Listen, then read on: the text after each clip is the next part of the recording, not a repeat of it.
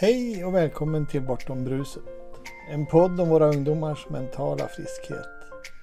Vi som gör den är jag, Ivan Karlsson, och min kollega och kära vän Cecilia Hector. Vi har båda stirrat mörkret i vitögat och tagit oss ur det mörkret. Nu vill vi visa på vårt medfödda välmående och att vad som än händer omkring oss kan vi må bra. Att det är okej okay att inte vara okej. Okay. Att det bortom bruset finns en piccoloflöjt. Välkommen och tack för att ni lyssnar.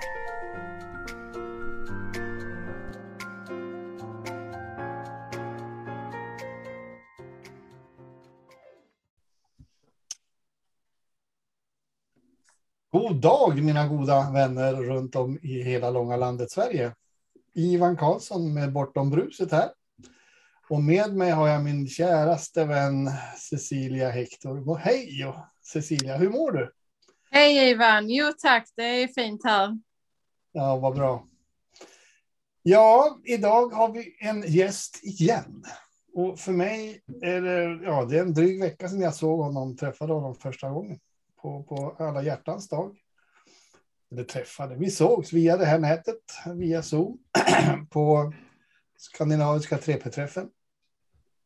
Där han var en av talarna. Ehm, så Dennis Westman. Eh, någonstans uppåt Dalsland, Bengtsfors, tror jag han sitter. Pratar på det där härliga sättet som västra Sverige är utmärkande för. Och eh, det här ska bli riktigt intressant. Eh, Dennis, vem är du och hur kom du i kontakt med de tre principerna? Tack Ivan och Cecilia för att jag är hitbjuden. Det var trevligt att få komma och prata lite grann. Och jag sitter naturligtvis uppe i norra Dalsland och pratar den här härliga dialekten. Eh, jag är 47 år och jobbar med, och jobbar med människor i coachande i 18 år. Eh, men kom i kontakt med de tre principerna och insiktsbaserad coachning eh, för fem, sex år sedan.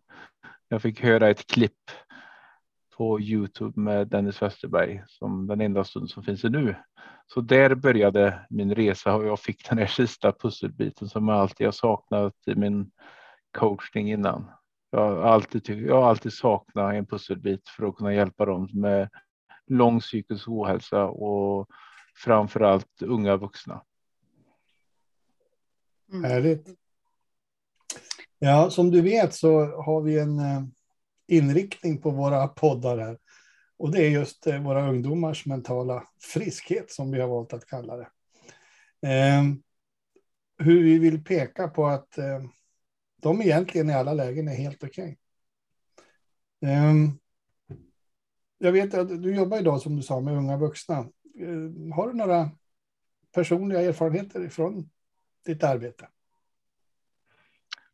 Och jag, har, jag har jättemånga som jag jobbar med just nu eh, och eh, även som jag jobbar med under de här eh, åren som har varit insatt i de tre principerna. Så, så Absolut, men eh, den första som eh, jag kommer att tänka på det är ju naturligtvis Louise eh, Erlandsson som jag, som jag testade eller körde det på eh, som min allra första deltagare som finns med i Thomas och Dennis podcast i två, avsnitt 264 och även Daniels podcast Human Change i avsnitt 33 där jag fick se den otroliga transformeringen och eh, rubriken hos Thomas och Dennis är jag var egentligen frisk, precis som du sa Ivan, att eh, jag pekade henne att, eh, till det här att hon Ja, du är inte sjuk egentligen.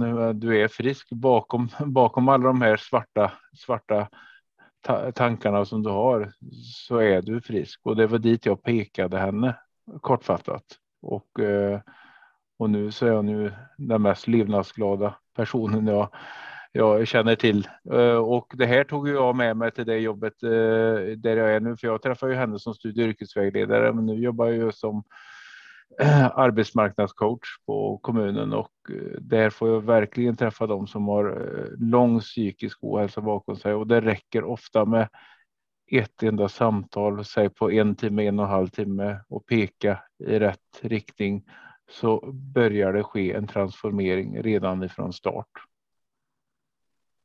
Det är fantastiskt. Mm. Jag ryser.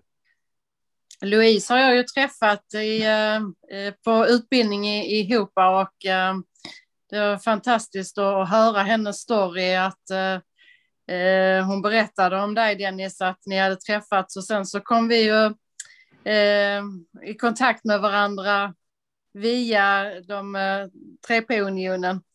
Eh, så det var jättetrevligt att få höra hur eh, ert möte gick till. Du kan väl berätta lite kort om det? Ja, Louise kom ju till Bengtsfors. Jag kände ju inte till att hon kom hit utan hon, hon satt ju bara på mitt kontor en dag.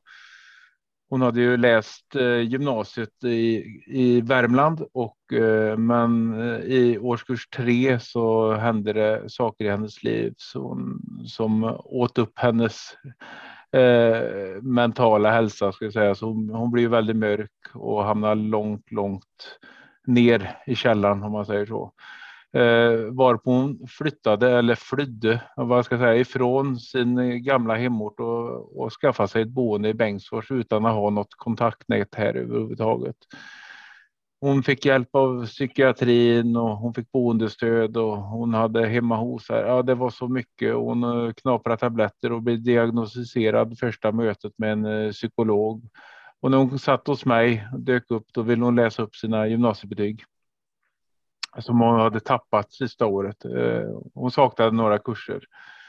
Och det hade gått jättebra de två första åren på gymnasiet, men eh, på grund av händelser i hennes liv som eh, hon tog på för stort allvar så hamnade hon i djup, djup depression. Ehm, jag tog hennes betyg och kastade dem regelrätt i soptunnan och sa att eh, du ska inte plugga. Du får jättegärna plugga upp ditt gymnasium, men inte, inte nu. Vi behöver jobba med dig först. Och då hade ju hon massa kontakter. Hon hade ju psykiatrin, hon hade medicinering, hon hade hemma hosare och jag blev ju eh, tillsagd att inte få jobba med henne för det skulle bli för mycket för henne. Men eh, som vanligt så brydde jag mig inte om vad andra sa utan jag erbjöd henne att komma och få lite coachning. Och hon kom. Och resten är ju lite historia kan man säga. Och då hade hon ju provat eh, KBT och terapier och, och eh, varit eh, i det systemet under rätt så lång tid, i rätt så många år vad jag förstår. Där hon, alltså, ja, hon, eh, hon var ju, hon var ju djupt ner, alltså, hon var så djupt ner, alltså, hon ville ju, hon ville ju egentligen inte leva. Eh, där var vi ju och hon, hon trodde aldrig att hon skulle ta sig ur. Ja, det här ja, på ett vis något slags fängelse, eh, psykologiskt fängelse som hon var. Alltså, det fanns ingen ljusning överhuvudtaget. Hon visste inte vad, men, hon, men på något vis så tog hon sig till mig för att läsa upp sina gymnasiebetyg. Så någonstans så var hon ju. Ja, jag, måste göra någonting och det var det enda hon kunde hålla sig tag i eh, just att göra det. Ehm, men eh, det gjorde vi inte.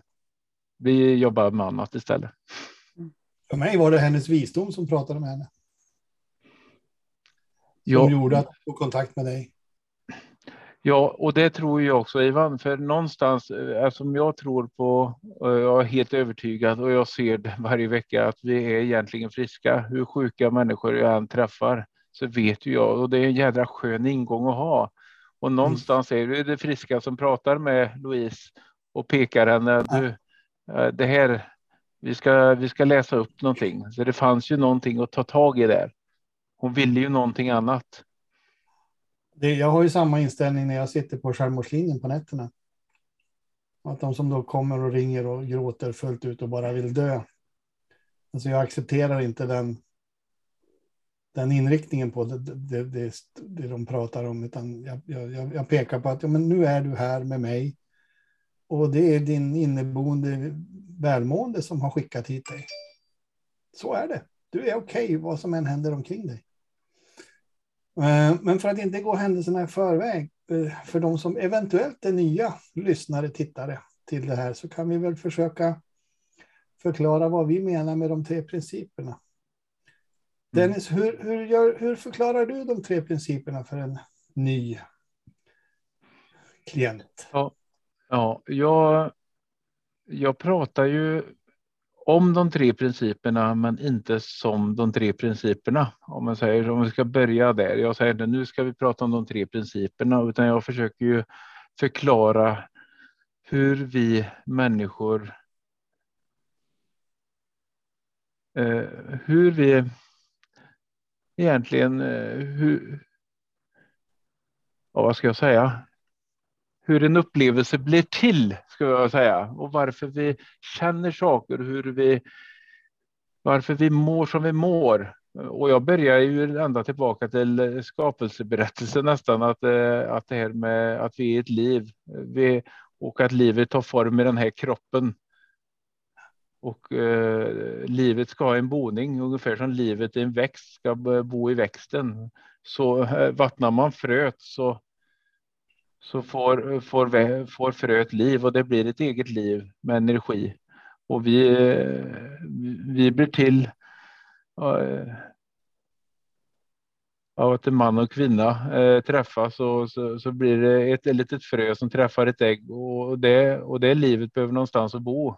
Och att våra kroppar ser, eh, ser olika ut eller vi, eh, och så där, det är en sak, men den ska bo någonstans. Här, den här livskraften ska bo någonstans och den bor där. Och i och med att livet kommer till så har vi också fått någonting, ett medvetande. Och med det medvetandet så kommer också våra tankar. Men hade det varit för att vi bara var ett liv som en växt och eh, vi hade haft ett medvetande också, men inga tankar, då hade vi för alltid varit friska. Och det är det där jag försöker peka på när jag pratar med, i olika metaforer beroende på vem jag pratar med, vad de har för livserfarenheter med sig.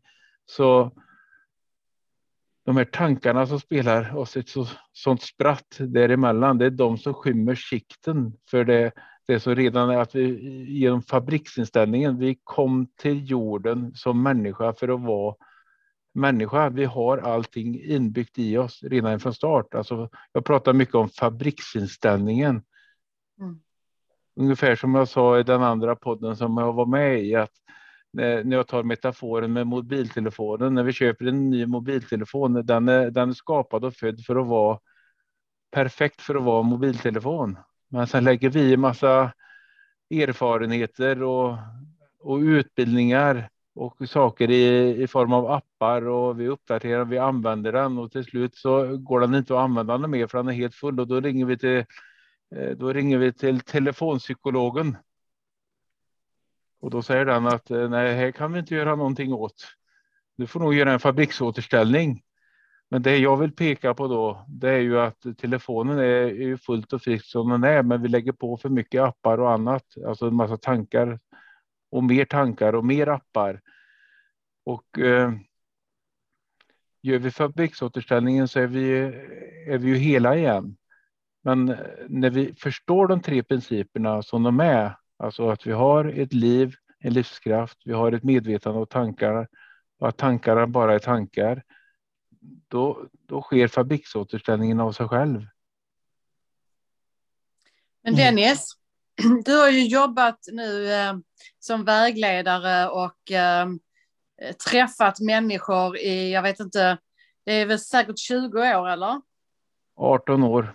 18 år, ja. Det är ju mm. lång tid och på något vis så har du ju stött på eh, eh de olika metoderna jag vet att du har varit eh, inne på NLP och eh, så du måste ju ha kunnat jämföra med, med eh, de insikter du har fått kring att du har förstått det här. Hur ser du på ja, det? Ja, jag, jag trodde ju för 18 år sedan att jag hade, att jag hade hittat eh, frälsningen i, i, när jag kom i kontakt med NLP eh, som kallas Neurolinguistics Programming. Eh, jag gick i kurser i det eh, och blev master practitioner i NLP. Jag var helt såld. Eh, jag tittade på allt med Anthony Robbins. Jag tittade på allt med Kjell Enhager, Anders Haglund. Jag, jag åkte med Anders Haglund till Madeira. Jag har varit och jag lyssnade på varenda DVD med Kjell Enhager och Anthony Robbins. Jag, jag har gjort allt. Jag blev så jäkla duktig på NLP och sen eh, byggde jag på det med lösningsfokuserad terapi och jag byggde på det med motiverade samtal och jag utbildade mig och och jag var väldigt, väldigt lyckosam med min coachning. Men, men den här, den här gnagande känslan av att jag inte lyckades med dem med lång psykisk ohälsa eller med djup psykisk ohälsa. De vill ju inte. De vill ju inte ha någon NLP där de skulle använda kroppen. Jo, men eh, ler du bara fake it until you make it och gör det här och ja, det funkar bara på dem som liksom var inne och vände, de som är lite tävlingsinriktade, de som bara råkar, jag är utan jobb just nu, jag behöver, jag behöver vara in och vända, det funkar ju det här klockrent liksom. De var bara, men jag stod kvar med massa folk som har varit hos oss i flera år och som det här NLP funkar inte för dem. Det funkar ju för dem som är redan ha, som redan har ett friskt sinne som vi alla har, eh, fast vi inte ser det. Samma erfarenhet har jag. Precis. Och, och, det, och det är många Ivan. Jag, alltså, ju mer jag lyssnar och ju mer folk jag känner som har förstått de tre principerna så har vi ju nästan alla samma erfarenheter som har den här bakgrunden att vi har jobbat med det här ett, ett sånt ett, ett annat syfte. Och, mm. och Anders Haglund är ju en sån som verkligen var nörda ner på NLP. Han åkte ju världen runt med det här och, mm. Eh, och vänt. Och det är få som vågar göra den vändningen som Anders har gjort eftersom de har byggt upp ett liv eller ett levande och en ekonomi kring kanske NLP och de principerna. Men jag tror Anders, eller jag vet att Anders har gjort helt rätt när han har coachar oh ja. på ett helt annat sätt. En får helt andra resultat. Jag får resultat som är helt, helt galna. Jag har aldrig sett på maken. Och kollegorna ja. säger samma sak. De fattar inte vad jag gör, men de vill inte veta vad jag gör. Men jag skulle vilja säga det att det är väl kanske där vi har grejen med det här med, som du säger, att man har byggt upp en massa verksamheter kring de här metoderna eh, KBT, eh, DBT, IMR, ehm, eh, ja whatever allt vad det kallas. Och, och eh, människor har utbildat sig, lagt pengar på detta, eh, byggt upp eh, verksamheter och, och plötsligt så ska man liksom på något sätt erkänna att det kanske inte är så hjälpsamt som det borde vara de här människorna som går i de här terapierna som har lite svårare psykologisk eh, eh, smärta, de eh, tenderar att gå kvar år ut och år in och blir inte riktigt, eh, de kommer inte vidare, de blir inte hjälpta. Det blir inte de här eh, snabba resultaten som man önskar. Och eh, att då våga erkänna att eh, det kanske inte är på det här sättet. Det mm. är klart svårt. Det får vara ja, lite modigt. Ja, det, det, är otro, det är otroligt modigt, för man kanske har lagt ner eh, eh massa pengar på just att få sig en utbildning inom eh, till socionom och sen KBT-terapeut och man har lagt ner hela sin själ och det är klart att man tror på det, att det fungerar. Men jag skulle ändå vilja skicka med att våga titta i den här riktningen för det, det är så betydelsefullt och viktigt. Och då menar jag inte för dem som kanske jobbar med utan de som de, de jobbar med. Som kan få en helt annan insikt i, och få en helt annan hjälp. Jag fick ett sms bara för, för lunch här att eh, och en, eh, en kille som eh, drygt 30 år och, och, och som har haft ett möte med bara ett möte. Och alltså, alltså jag önskar att alla var så gedigna och alltså den hjälpen jag har fått. Nu, nu, nu har han en lång bit kvar, men det räcker med ett möte för att de, Det ska börja. Det är som ett litet frö. De tror på någonting. De ser att det kanske finns. De är inte där än, men det, det är på väg. Får vi tänka på att det här är personer som människor som har varit inom psykiatrin i mer tio år eller mer. Mm. Jag kan ju bara säga till mig själv, för jag, är ju, jag har ju inte jobbat med det, utan jag har ju varit patient. Mm. Jag har ju gått i de här terapierna och varit väldigt, väldigt dålig. Och, eh, så dålig så att jag har fått bo på behandlingshem.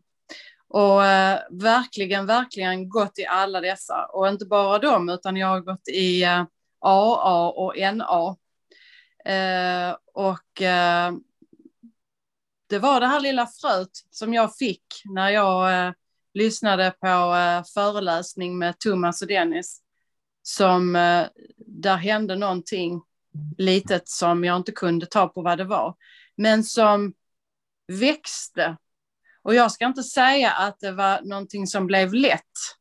Eh, för det var det inte i början. Därför att jag på något sätt eh, eh, fastnade i det som man fortfarande lär ut. Eh, de terapiformerna som, man, som de säger att man ska bli hjälpt av. Så att mm. eh, det fick gro av sig själv ett litet tag och sen så eh, kunde man inte hålla tillbaka det längre utan det var någonting som något hoppfullt som bara sa att jag skulle fortsätta gå i den riktningen. Tack gode mm. Gud för det. ja, men det är ju lite så som du säger Cecilia, där att eh, även nu när du har förstått insikterna eh, på djupet så så förlorar vi oss ju i tankarna eftersom eh, autopiloten är så himla himla stark. Va? Och, och det är ju så när vi går på en ska jag ska jag och min, eh, mina barn eller jag och min sambo gå på, gå på bio, då vill vi ju förlora oss i filmen. Vi vill ju slukas upp av den regissören som har gjort filmen. Vi vill ju få alla känslorna där. Eh, men är det någon då när vi sitter och och titta på den här biografen och det är så spännande och det är så himla bra. Och så sitter det någon bredvid och så knackar det på axeln. Du, vad ska vi äta ikväll? Ska vi göra någon... För den kanske inte tycker filmen är dugg bra. Vi tittar på samma film. Men den ena tycker att det är en skitfilm och jag är helt... Eh, men precis så som vi kan förlora oss eh, om vi har haft en dålig morgon eller en dålig start på dagen så är vi förlorade i våra tankar för det går så fort.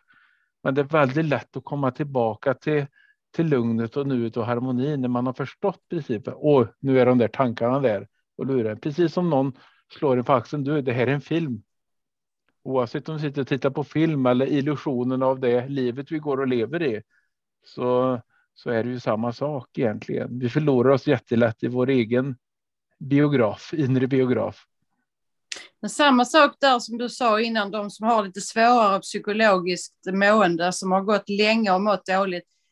Jag eh, märkte det när jag eh, gick den här utbildningen inom de tre principerna och blev coach, att vi som hade gått och haft väldigt, väldigt mycket eh, otrygga tankar och som mått väldigt dåligt och eh, vi hade också ganska mycket motstånd i början att det är inte, det är inte sådär jätteenkelt eh, för de som lyssnar nu så, så vill jag också säga det att ja, det kommer ett litet frö som börjar att gro. Det gjorde det för mig också.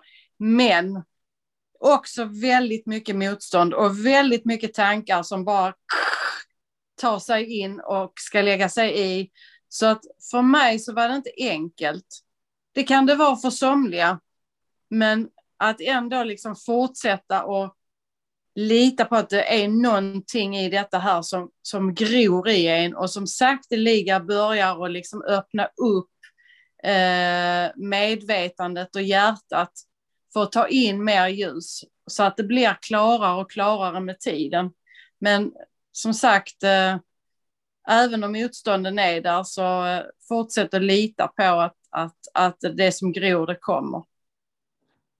Ja, och det är ju ofta när du har levt så länge med psykisk ohälsa, då är ju autopiloten ganska präglad det. Det är en tuff match att gå mot att mm. göra de här justeringarna och förstå det här med det medvetna valet. Om det står om eh, en del påstår ju, jag vet inte om det finns någon sanning i det, men att 95 procent av dagen så styrs vi av autopiloten och 5 procent oavsett vad det är för siffror där och vad som är sant eller inte. Men det är en tuff match att gå om det står 95-5 i matchen eller 90-10. Du, du kommer, eh, det finns ju alltid någon som autopiloten kommer ju alltid försöka dra ner dig igen och förstöra för dig. Eh, men efter, eh, efter lite tid och insikter och förståelse så kommer, kommer ju den också att spela på ditt lag till slut. Min erfarenhet då, när jag sitter på självmordslinjen på nätterna, det, det är ju att lyssna är ju steg ett eh, till de här människorna som kommer in storgråtande. Och får de bara prata i 20-30 minuter så har de själva pratat sig ur det värsta. Alltså det är återigen deras egen visdom som har visat sig och det har alltså lugnat ner sig i gråten. Och det finns en chans för mig som sitter där och lyssnar och ställa en, en sån enkel fråga att hörde du vad du sa nu? För alltså ordet tanke, jag tänker, återkommer i de där 20-30 minuterna så otroligt många gånger. Det är bara det att de hör det inte. Får de då hålla på eller jag prata i 20-30 minuter så kan jag liksom bara enkelt ställa den frågan. Hör du vad du själv säger? Men vadå? Jo, att det är du som tänker allt det här. Och då blir det tyst en stund. För mig handlar det liksom om att två själar möts. Att det som är det gemensamma i alla oss, livskraften, på något vis får kontakt med varandra och då kan vi börja ha ett riktigt vettigt samtal. Så väldigt ofta slutar de med samtalen mitt i nätterna med ett skratt och ett tack. Nu ska jag gå och sova.